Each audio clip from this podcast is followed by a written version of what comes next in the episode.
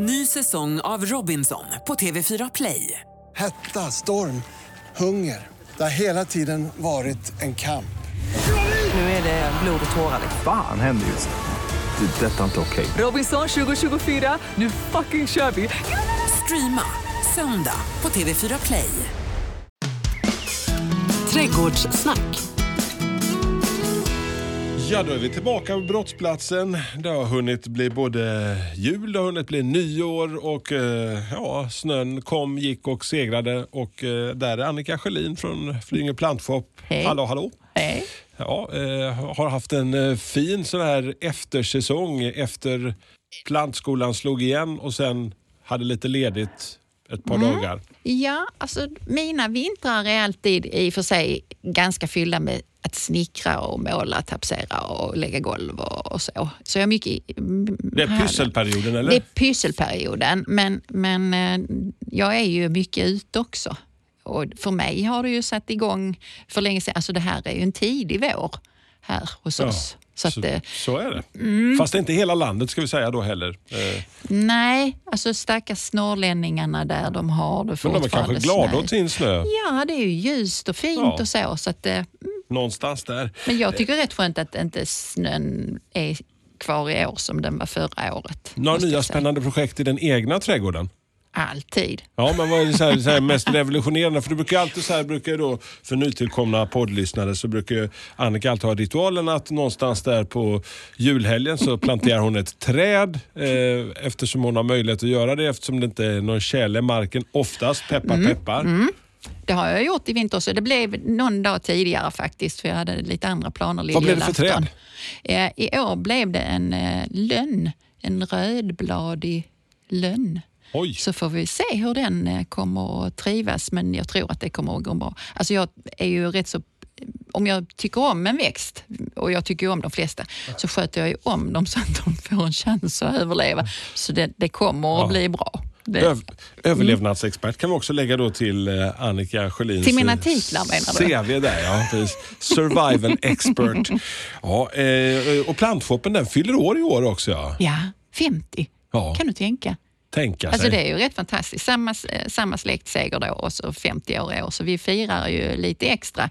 Och vi i personalen har ju redan haft lite sådana jippon. Lite kalas, Eh, eller? Ja, kan man säga. Ja. Eh, och sen så blir det ju för, för kunderna också här under året. På Malmömässan när vi var där för någon vecka sedan så hade vi lite extra jippo där och sånt. Så det, mm. Är trädgårdsfolk bra på att festa eller?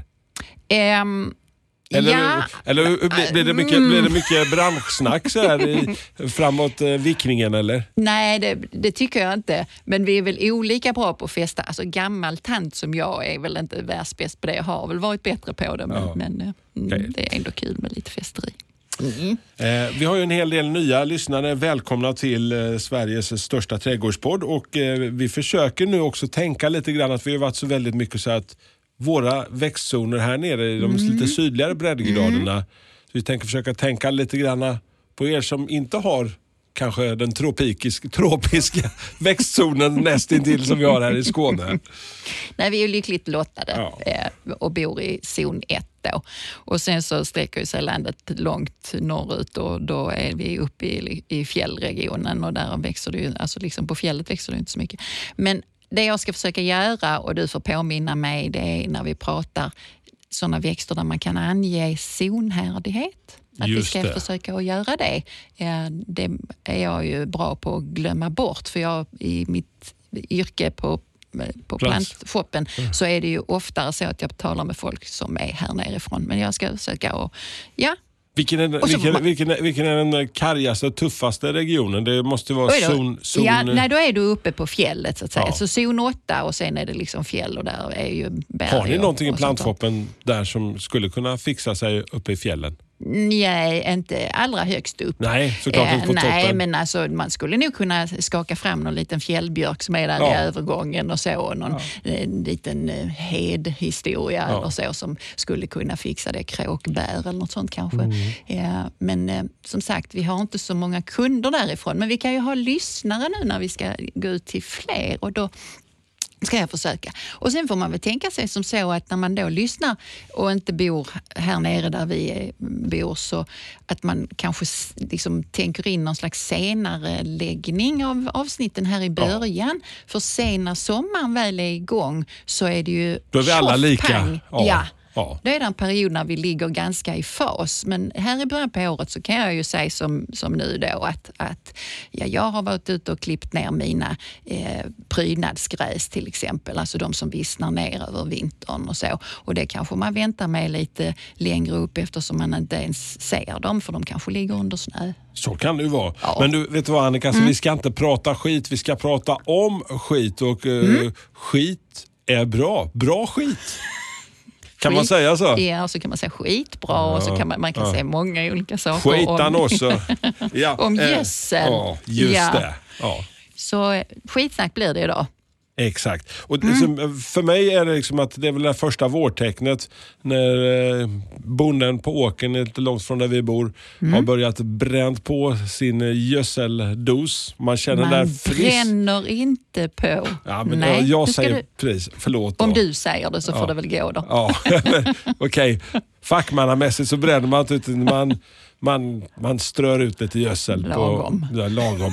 Men det luktar skit då alltså. Och, och, Mm. Vi har kanske lite olika de, känsla i luft, luktorganet. Vi satt här precis innan vi drog igång podden och du satt bara, mm, åh, koskit, Ja. mm, mumma, Ja. eh, inte så gott, tänker jag. Svinskit, mm, inte så gott. Hönsskit, mm, inte så gott. Jag vill ha en liten Men det är doftfri. associationerna. Alltså jag gör en sån positiv association till det. Så det är säkert därför vi... Eh, jag tycker att liksom, ah, när det luktar koskit då är det vår. Och det, är, Ja. det är ju likadant, det har landat tranor utanför, min, alltså, Ja. utanför mitt fönster igår, en bit ut på en äng. Alltså det är ju också så, de var ju här Ja. redan den 6 mars. Det är och nu är det fler och fler. Ja. Men vad har de med koskiten Att man associerar, vissa Ja, ja. associerar liksom, åh en stor Pippi, fy ta bort den, fy vad hemskt och vad är det för en Nej. konstig figur? Medan jag bara blir jättelycklig Ja. redan när jag hör ljudet Men av det- dem. Det är jättemysigt att se när man ser dem och deras eh, härliga ljud när man ser dem långt upp i skyn på väg norröver någonstans. Och en Mm. liten mellanlandning i Skåne. Eh, men men eh, alltså, för oss eh, vanliga som inte kanske har en eh, stor säck med eh, koskit eller Mm. tillgång till dito så går vi iväg till den lokala plantskolan. Köper kanske lite blå kon, är en klassiker vid den här tiden på året. Alltså, det finns någonting som liknar det fortfarande. Eh, Det man, om man nu tar den påsen, Ja. vilket du säkert gör, och sen så gör du det en gång och sen är du klar. Eh, Det är du inte. Nej. Ja, nej. Så vi ska, nu ska vi vädja till känslor här, detta, eh, när vi pratar om koskit. Då. Eh, och när jag pratar med folk så är det ofta så att eh, jag får frågan, jag har en, eh, en buske där som, som inte växer. Vad ska jag ge den för näring? Ja, mm. Och då skulle jag vilja svara, och det gör jag ofta, att är det det som är bekymret? Så om du nu ser en, en planta i din trädgård som du tycker växer dåligt, då tycker jag att då kanske man ska tänka sig först och utesluta om det är så att det är något annat som är problem. Eh, för det är ganska vanligt att i de nybyggda områden att det kanske inte är vare sig att det är för lite näring eller att man har vattnat för lite eller något sånt, utan att det är andra eh, små bekymmer. Till exempel att det är välpackad jord. Eller? Mm, Alltså för, det ser man ju ofta att eh, det ser väldigt väl, snyggt, platt, snyggt välfriserat. Ja. Men platt och hårt och kompakt är inte alltid bra. Nej, för det behövs syre i jorden. Annars så funkar det inte. Och har man en väldigt kompakterad jord med små, små partiklar så är det, då är det lätt att det blir packat, packat, packat, packat och hårt om man har kört på det med maskiner eller någonting sånt där. Och det kan vara en orsak och då hjälper det ju inte att man göder på den jorden utan då behöver man göra någonting åt strukturen. Luckra upp den lite kanske. Ja, kanske det till och med. Ja, en liten jordfräs så här uppe på. Nej, det tar vi inte. Vi Nej. handgräver. Det låter jättejobbigt. Nej, det är hur kul som helst. Alltså det här med jordfräs, då slår du sönder, om du nu har en kompakterad jord med små, små partiklar och så kör du med en fräs i den. Då finfördelar du alltihopa och så är det lika kompakt igen. Utan ta nu fram spaden och det glada humöret och så eh, ska du jordförbättra den då och förbättra strukturen. i den och luckra upp jorden då en bit ner. Det är skoj. Men, men gör man inte det alltså när du kör den där stora massiva jordfräsen som är rätt kul att köra också för övrigt? Liksom. Så det, men den vänder ju upp, den kastar ju upp och ner, upp och ner, Mm. upp och ner. Och då kan det vara så att du faktiskt har ett ytlager av bra jord men lite längre ner har du inte det och så fräser du runt.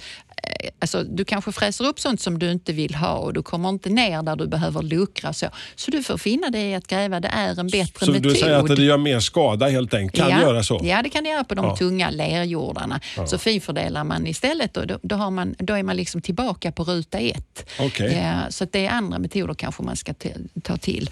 Så det första så här lite... Kolla jorden Ja. och kolla. Alltså, det är inte alltid så att näring är det som, som löser om man nu har ett litet bekymmer, utan kolla lite på jorden och det enklaste man kan göra det är liksom ta upp en, en, mm, ja, en liten klump med jord, matsked jord och, i handen då. Eh, och sen så eh, kan du, om den är torr så blöter du den med pytt, pyttelite vatten och så rullar du det i handen. Och om du då rullar det och det liksom inte blir någon, någon rund, alltså en kula av det. Eller, En att det liksom bara smulas sönder. Då har du förmodligen mycket sand i din jord. Eh, om du kan rulla det och fortsätta att rulla det så att det blir en kula, då är det liksom... Mm. Om du kan fortsätta rulla och det blir tunt som en spaghetti, då är du i andra änden på det här med jordar. Då har du en styv jord, för då, de små, små, små partiklarna av lera, de håller ju ihop med det här lilla vattnet. Så liksom, åh, det blir jättehårt. Men d- d- vi pratar ju också om det här, alltså det måste ju finnas den andra kontrasten här också. Vi pratar om eh, packskador och kompakta jordar på de här nyplanterade villaområdena. Eh, Det måste finnas dåligt dränerade jordar också som eh, på andra s- skalan så att säga. Ja, och, då, och en dåligt dränerad jord får du ju kanske eh, då när du har en väldigt, alltså en jord med väldigt fina partiklar. Jag kommer ju aldrig få några packningsskador eller, eller vattensjuk jord hemma hos mig som har en, en sandjord. Jag kan ju inte ens rulla eh, eh, alltså Inga någonting. köttbullar där inte? Absolut Nej. inte. Nej, nej. Utan det är ju andra änden eh, på skalan. Eh, en annan sak som eh, jag ofta får höra det är att eh, ska jag mäta pH-värdet i min jord? Ja, men det finns sådana små fina käcka mätstickor som man Ja. kan pela ner. Ja. Det måste ju vara perfekta svaret. ja, för den som är teoretiker Eh, Nu skulle vi gå lite på känsla här. Okej. Ja, så att jag skulle vilja säga att många gånger är det att skjuta över målet att, att mäta pH-värde i jorden om det inte är så att man tycker att det verkar fullständigt galet. Och under mina år, nu har jag väl ändå hållit på med det här i ja, 20 år säger vi ungefär. Och då är det så att en enda gång har jag varit hos någon där jag verkligen tyckte att här behöver man mäta pH-värdet för här är någonting som är skumt. Men annars så är det oftast inte nödvändigt. Vill du nu odla någonting som kräver lågt pH-värde, då är det en annan femma. Men sådär vanligtvis så tycker jag att nej, man behöver inte. Vill man mäta pH-värdet för att man ska odla blåbär eller, eller rhododendron och sånt, ja då kan man göra det och inse att ah, det var för högt. Så det finns lackmuspapper hade man i skolan och så. Ja, så det just det. finns Mm. möjligheter, absolut. Och det finns pH-mätare också. Men ofta för den stora mängden av trädgårdsägare så är det inte nödvändigt för man odlar inte den typen av växter eller man har inte den typen av växter i sin trädgård kanske. Och då behöver man inte mäta pH Men heller. om man är lite osäker, jag menar, du har ju ändå så här, du, har, du, har varit, du har ju varit i branschen några år som du säger. Va? Men, men menar, för oss vanliga dödliga som inte har fått den där Fingerspitzgefühl som tysken sa. Ja. Alltså, ska, hur, ska vi, hur, ska vi, hur ska vi förstå ens överhuvudtaget och chansa så lite? Ja, nu sa du det.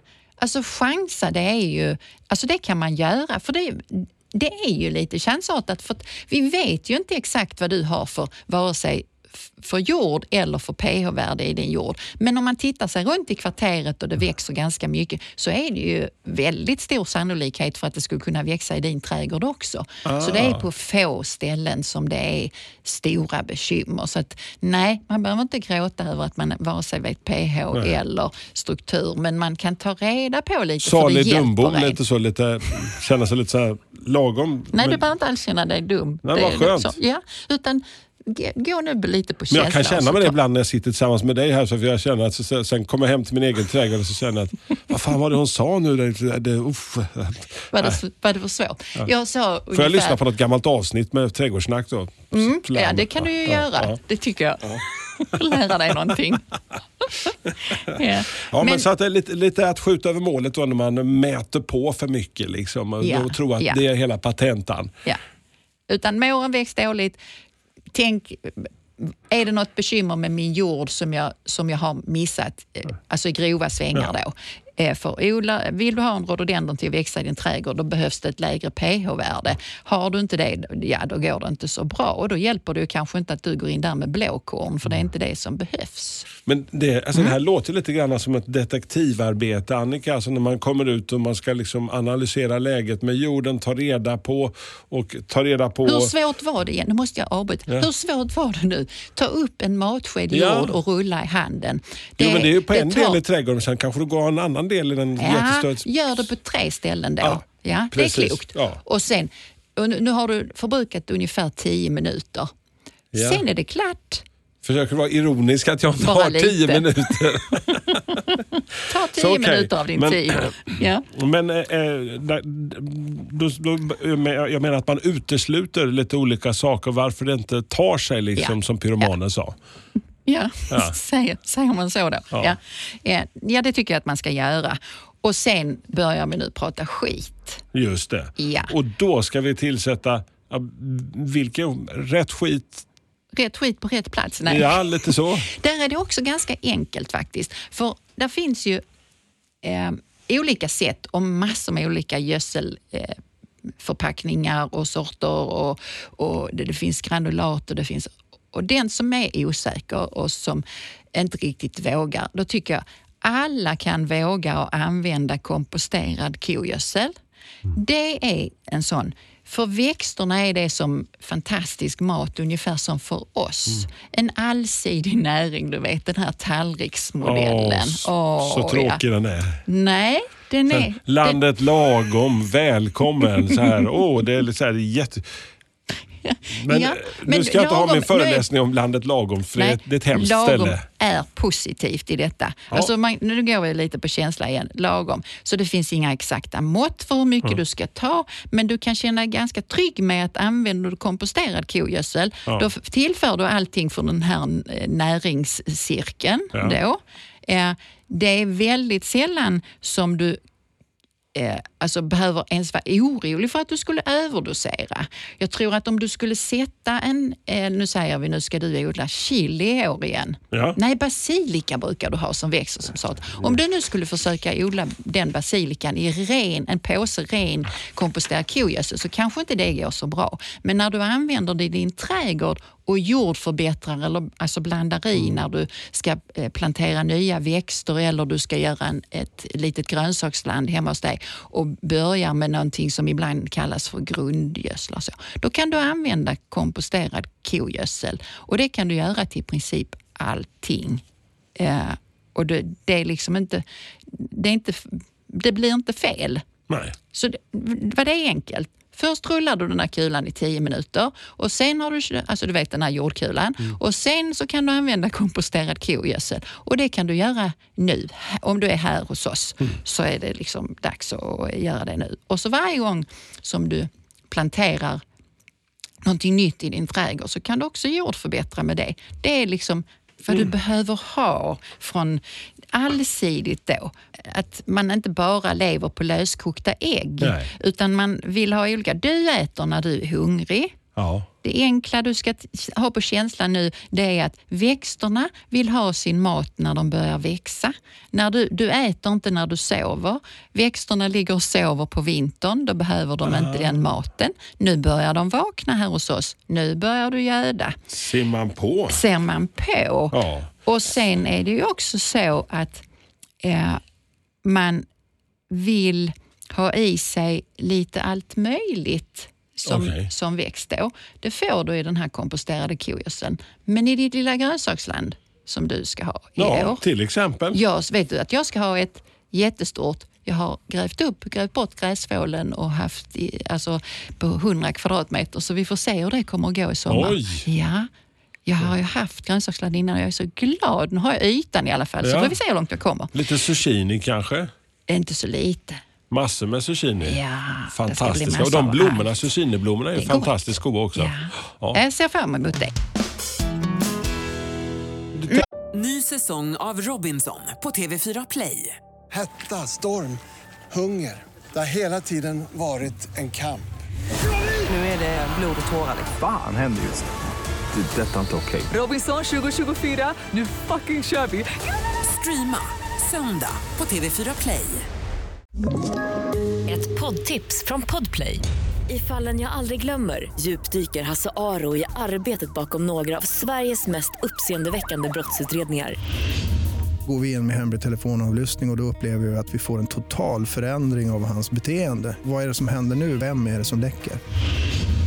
Och så säger han att jag är kriminell, jag har varit kriminell i hela mitt liv men att mörda ett barn, där går min gräns.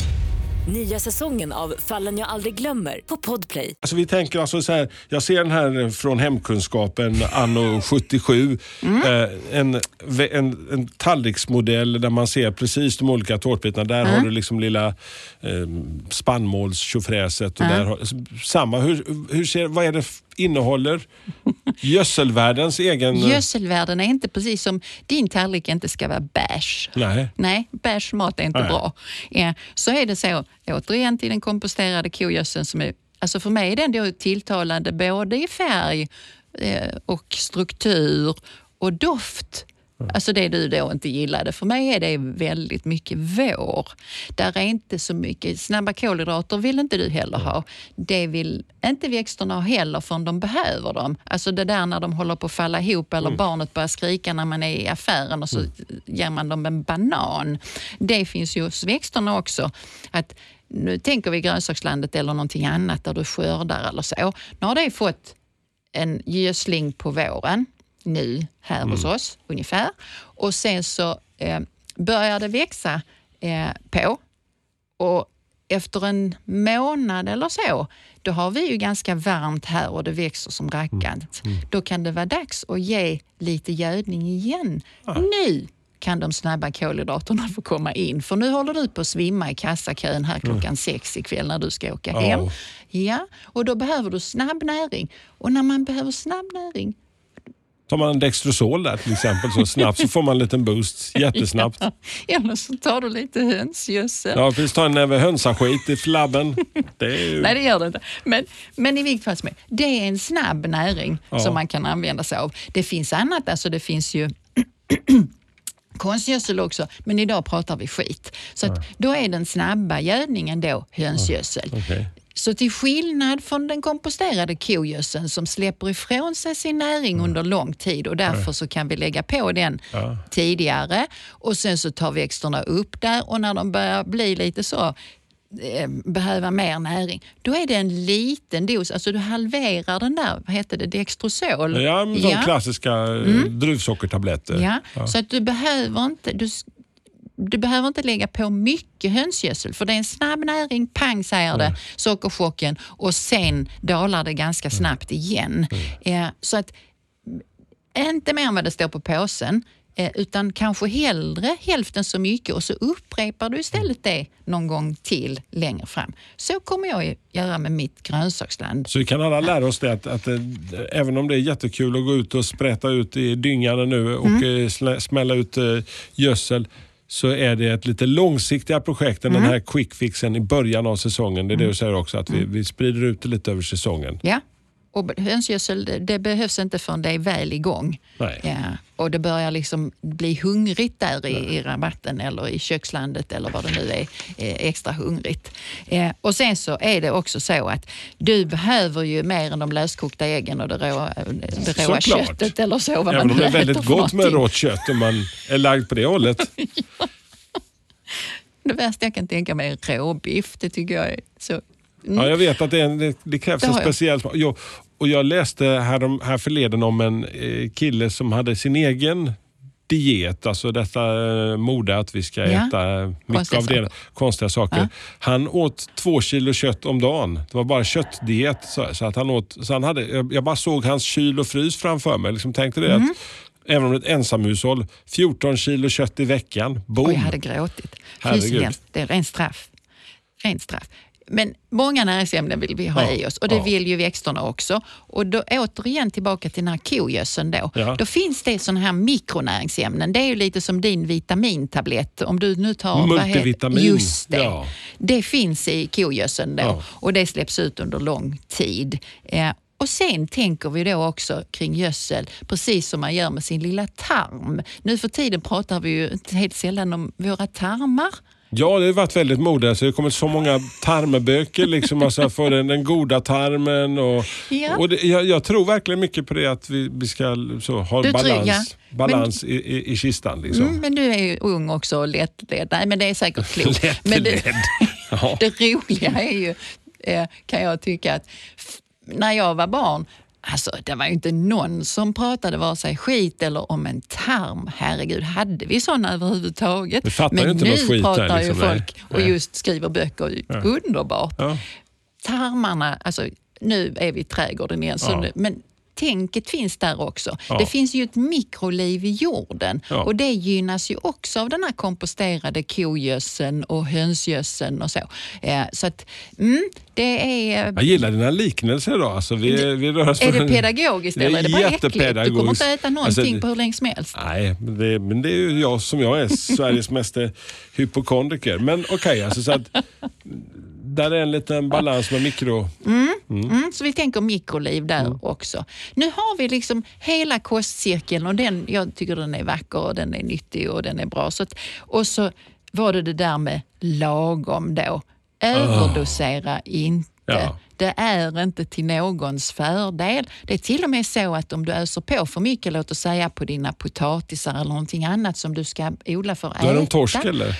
Då blir de mindre goda och de kanske till och med inte blir så nyttiga som du hade tänkt dig. Alltså du kan få en rätt så rälig smak på vissa grönsaker eh, om du övergödslar. Så skit i det. Lagom skit. Mm. Balans i grönsakslandet. Ja, eh, så, så de, de, de gillar lite, det går lite långsamt. Men eh, blandningar av så här gödsel och hur, man, hur ska man kombinera liksom också? För, för jag kan tänka mig att eh, det är som säger, att man, man går inte till växtskolan, plantskolan och köper bara en påse med någonting som löser allt. Utan Nej. Mm. Trädgården har ju dels olika ställen som passar bra, som säger grönsakslandet, ut på gräsmattan kräver ju sitt till exempel. Ja. Alltså nu låter du ju riktigt klok tycker jag. Ja. Så underbart. Till skillnad från innan då. Nej. Ibland är du klok. Eh, jo, alltså det är ju så. Växt, alltså gräsmattan då, Ja. eh, den, framförallt den väldigt manliga, välmående, välklippta, just det, eh, gräsmattan. Alltså den är en sån som behöver mycket mat. Eh, så eh, gödsel är ju komponerat på olika sätt. Så är du nu ute efter någon gödning till din gräsmatta, ja då går du kanske inte och köper en s- 15 säckar kogödsel och brer ut på din, på din gräsmatta, utan då finns det ju andra tricks. Jobbigt att klafsa omkring ju också dessutom. Ja, alltså det, och det blir inte snyggt. Nej. Så det struntar vi i, utan då kan man använda alltså det här som är lite fetare mat, alltså gräsmattegödsel. Då är det ju komponerat på ett sånt sätt som, eh, oj, nu slår jag ner inredning, som gräsmattan gillar. Och då är det så också att den gräsmattegödseln, den har jag faktiskt provat att ge till mina bambu. För det är ju en grässläkting. Det är en gräs... eh, Och så bor jag ju då på en väldigt mager och näringsfattig jord. Så det, då kan jag få för mig att lägga gräsmattegödsel i små doser men under ganska lång tid av min säsong här då. Är det ett experiment som du själv har labbat fram? Eller? Nej, alltså det har vi pratat lite om, eh, jag och mina kompisar. Inte på lunchrasten, men, men Nej. andra Ja, gånger. då. ja. Ja, så att eh, ni som bor på en, en näringsfattig jord och vet det och har eh, bambu som inte växer på så bra och så. Mm, gräsmattegödsel och så inte, inte överdosera heller. Det blir inte bättre för det, men man, man kan använda gödning. Nu är jag ute på lite farligt vatten för att jag säger många saker. Jag hade bestämt mig egentligen för att hålla mig till bara koskit för att det är bra överallt och sen så stöttar vi upp då Ja. när sockret, blodsockret börjar Ja. falla med eh, hönsgödsel då. Men, men det här var lite så, parentes. Ja, Ja. Så att eh, landet lagom är ett eh, bra ställe att vara om man eh, jobbar i trädgårdsbranschen. Överdosa aldrig, eh, vare sig i trädgården eller någon annanstans, så kommer det bli skitbra. Och en sak till. Man kan gärna växla mellan olika typer av gödsel. Alltså, om du nu har använt eh, till exempel komposterad kogödsel i år. Alltså algomin är en sån grej. Det är nog blivit en poppis som senaste åren. Så det är inte så att man behöver hålla fast vid exakt samma sak hela tiden utan Mm. det kan växla för att då är det kanske något av de här mikronäringsämnena i algominet som du inte riktigt har. Och när man ger lite av varje så, mm, också en god idé. Det är som en liten cocktail, en gödselcocktail. Mm. Spännande. Men eh, då ställer man sig frågan, vem vill ha sina rötter där? Det är nya programpunkten i Trädgårdssnack säsongspremiär eh, med detta avsnitt säsong tre. Eh, och eh, Annika, hur tänker du? Jo, jag tänker så här, ja, den punkten vill jag ju växla över åren. Eh, för jag får ju så många olika frågor när jag är ute på mina konsultationsuppdrag. Och då så tar jag med mig några i huvudet så tänker jag, det här får jag ju jätteofta frågor kring. Eh, och då är det ju specifika platser, så nu tänker jag utgå ifrån sådana här lite udda ställen där eh, oh, vad ska jag få till att växa här?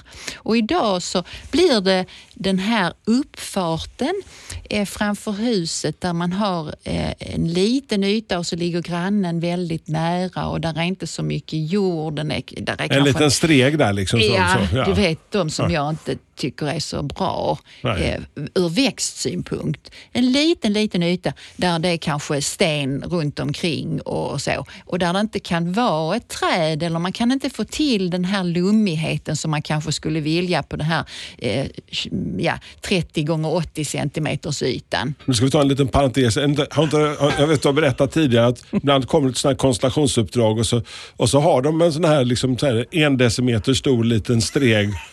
Hur kan vi göra här? Vi skulle liksom så här, vi, vi Ja. vill göra en trädgård här. Ja, en liten sån... Det, det, Ett litet alltså mini. det händer. Det händer Att man- fortfarande. Ja, alltså, för jag tror att om man inte har haft trädgård innan och inte riktigt vet hur växter kanske önskar att ha det, så är, då- då, är det ju det att man ser det man har framför sig. Man ser alla plattorna, alla döda materialen och så tänker man nu måste det bli lummigt för så här kan vi inte ha det. Eh, och då kommer frågan och sen så får jag då vara lite realistisk och säga att det blir kanske inte så lätt. Men Så finns nu har vi lilla ett ytan. och- litet ja, tricks ja, här då ja. som jag inte helt sällan använder mig av. Och det är den väldigt vanliga växten murgröna.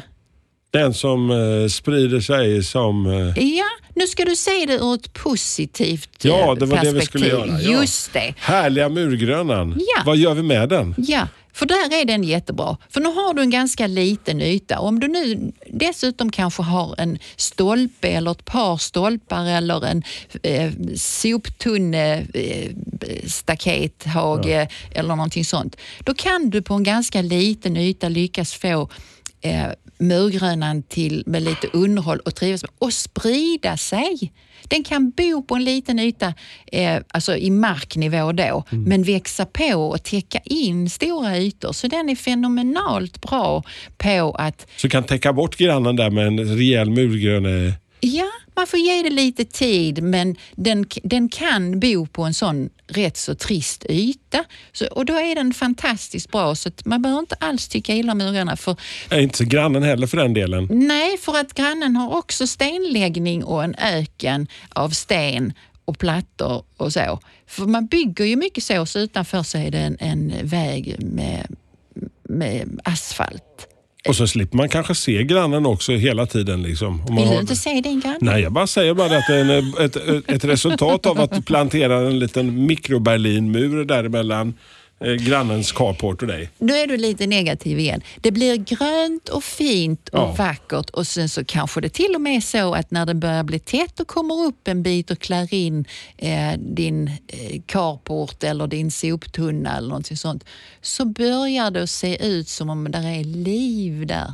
På framsidan Alltså, eller baksidan. jag- jag är det inte bra? fra- Alltså, det är fantastiskt bra. Alltså, jag har hittat ett nytt konsultationsuppdrag till dig eh, Annika. Alltså, eh, han är president borta i USA och han håller på och ska bygga en mur mellan Mexiko och Amerikas förenta stater. Den behöver ju, alltså där är inga så, kanske sådana jätte... Blir den tråkig tror du? Ja men alltså kan du tänka dig liksom murgröna på så här 10 mil eller någonting längs med... Det, var, det var bara en tanke. Ja, Så. ja, det var bara en tanke. Vet du vad jag glömde nu? Det var det du skulle påminna mig om. Zoner. Ja, Nu ska jag säga någonting om zon. Alltså, om man bor här nere då är ju murgröna inget problem. Eh, om man bor i Gällivare, nu har vi bekymmer, så nu får ni vara så snälla och finna er att alltså, där finns murgröna som går upp till zon 4. Mm. finns en, en eh, murgröna som heter Huldra som jag är ganska förtjust i. Den är dessutom E-märkt.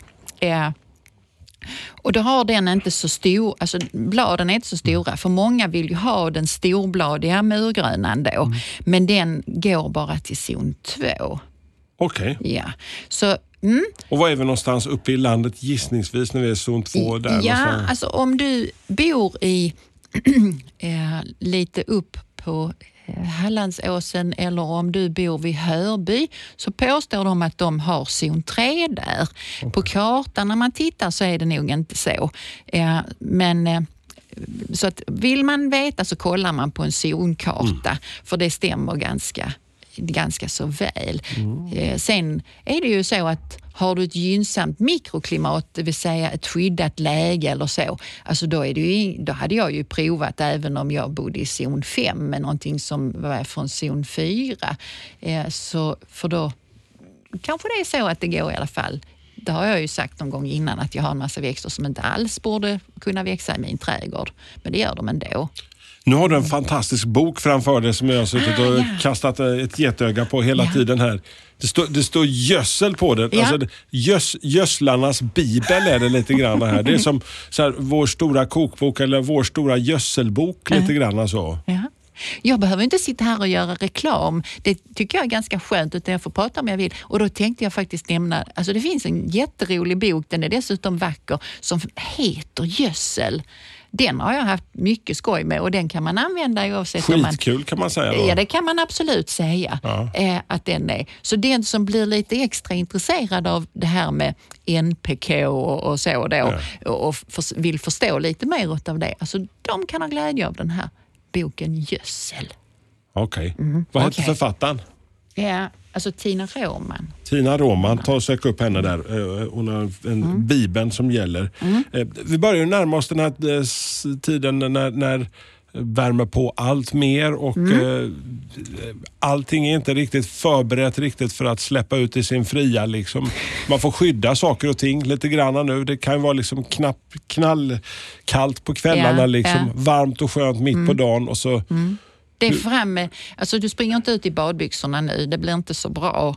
Eh, då kan man bränna sig så. Och växterna kan ju också ha lite problem. Nu har vi ju inte haft någon tjäledräkt i marken eh, och har inte samma bekymmer som de som bor lite längre norrut kanske har. Men det här med att skydda växterna med en fiberduk nu, alltså det är en, en bra idé eh, att göra. Så det är det som är det jag brukar säga kul att göra till helgen. Alltså det här med att köpa fiberduk och börja, eh, eller så har man redan eh, eh, täckt innan eh, för att förebygga att man får såna här fula skador på vinter och städsegröna växter. Sen är det en annan sak som det är hög tid att göra om du inte har gjort det. Frö. Köp frö. Fröna, ja men den börjar man ju redan med frökatalogerna där efter... Gör du det? Efter, ja, jag började göra det efter du, du, du talade om det här i, i julas. Så det kan man göra, sitta där efter mellandagarna och så börja slå i frökatalogerna och vad som ska odlas och så. Men jag börjar alltid storslaget och sen är det liksom fallande så här kurva under... Men det är nog mest näst. Men nu kommer du ha fullt upp med din kula för den ska du rulla i tio minuter, tre stycken i din trädgård. Sen blir det inte mer. Nej, Det, det stannar där. ja, herregud. Eh, är du nyfiken på någonting i trädgårdsvärlden och har frågor att ställa, ställ dem gärna via vår Facebook-sida. Trädgårdssnack heter den. Eller besök vår Instagram, där finns lite skojsiga filmer ibland som Annika förklarar saker och ting på ett väldigt pedagogiskt sätt. Alltså du menar de här 12 sekunders varianterna? Just det. Tycker du de är pedagogiska? Ja, men jag tycker de kan ibland vara så... Skojigt. Ja. Skojigt. Ja, vi är tillbaka här eh, om ett litet tag och alla tidigare avsnitt de finns ju precis som vanligt där du brukar hämta hem poddar allra mest. Så hörs vi i Sveriges absolut största trädgårdspodd. Det är Trädgårdssnack det. Trädgårdssnack. Ny säsong av Robinson på TV4 Play. Hetta, storm, hunger. Det har hela tiden varit en kamp. Nu är det blod och tårar. Fan händer just det. Det är detta inte okej. Robinson 2024, nu fucking kör vi! Streama söndag på TV4 Play.